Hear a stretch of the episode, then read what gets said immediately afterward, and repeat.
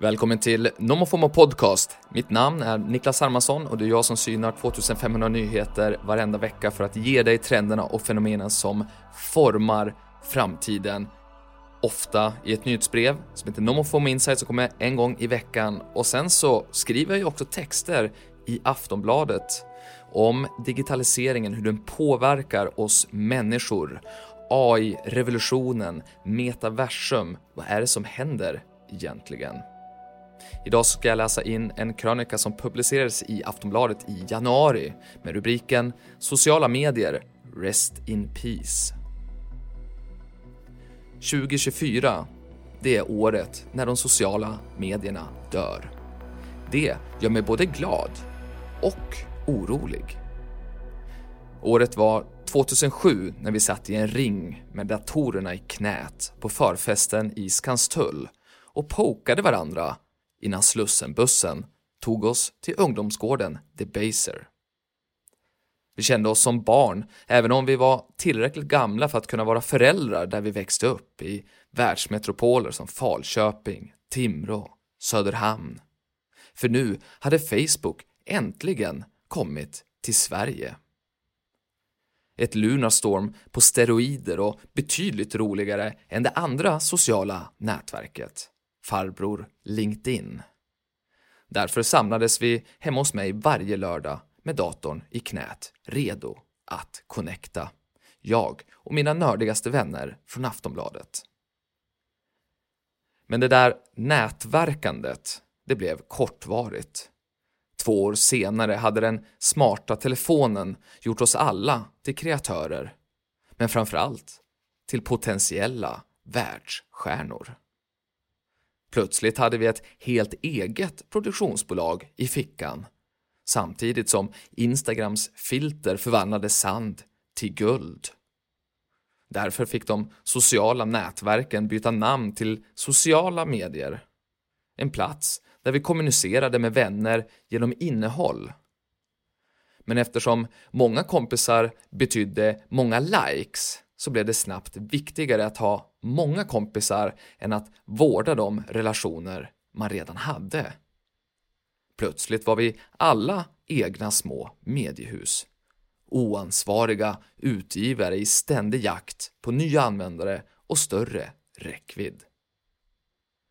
De sociala medierna blev snabbt ett minfält av lögner, reklam och kaninhål fyllda med konspirationer och kroppsfixering.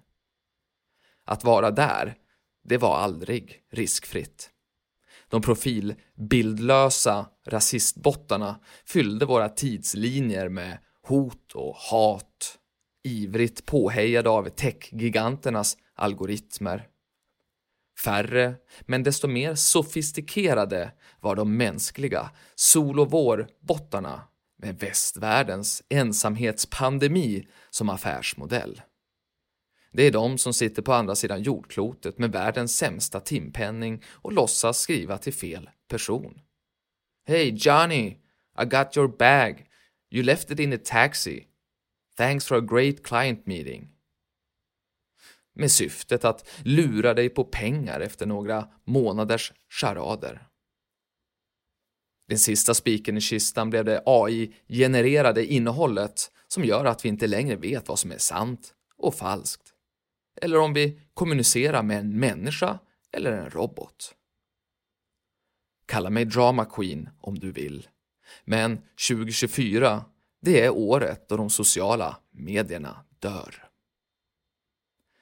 Enligt en ny undersökning gjord av analysföretaget Gartner kommer uppemot 50% av användarna att lämna de sociala medierna inom det närmsta året eller åtminstone minskat användandet drastiskt. Och det syns redan. Var jag än tittar ser jag horder av förvirrade 40-plussare som driver runt planlöst på internet i jakten på en ersättare till Twitter, eller X då, och Facebook. Eftersom Facebook har infört 70-årsgräns och Elon Musk har bestämt sig för att lustmörda den blå fågeln inför öppen ridå. Jag hoppas att politikerna är redo att aktivera nationella kriscenter för den första generationens sociala medier-användare. Behovet är stort. Visst, de flesta har hittat TikTok, men TikTok är inte sociala medier. TikTok är världens största personaliserade TV-kanal som vet precis vad du vill höver. Eller om du så vill 2020-talets TV-shop. Watch, click, buy, repeat. Så vad väntar nu?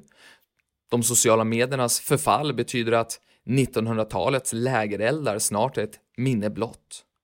Det finns inte längre en kultur, utan fem miljarder. En för varje människa som har tillgång till internet.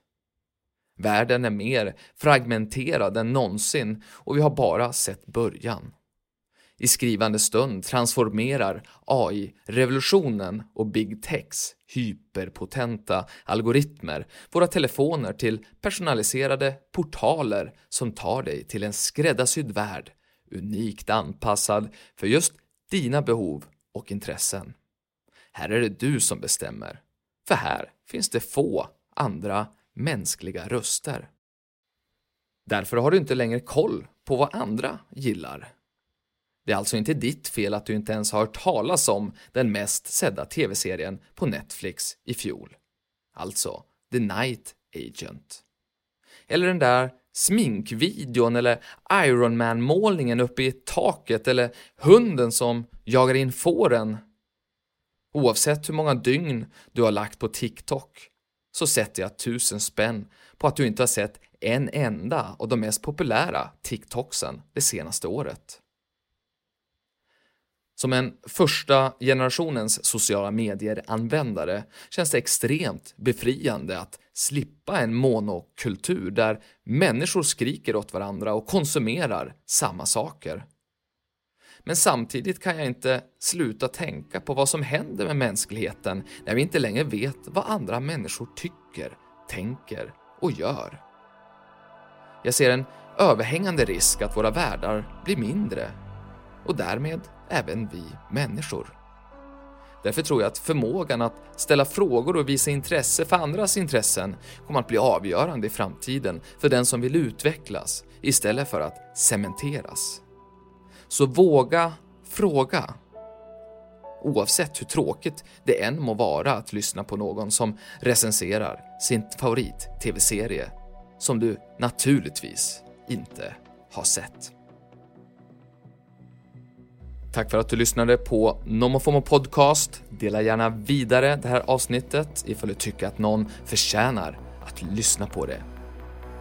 Vi hörs snart igen.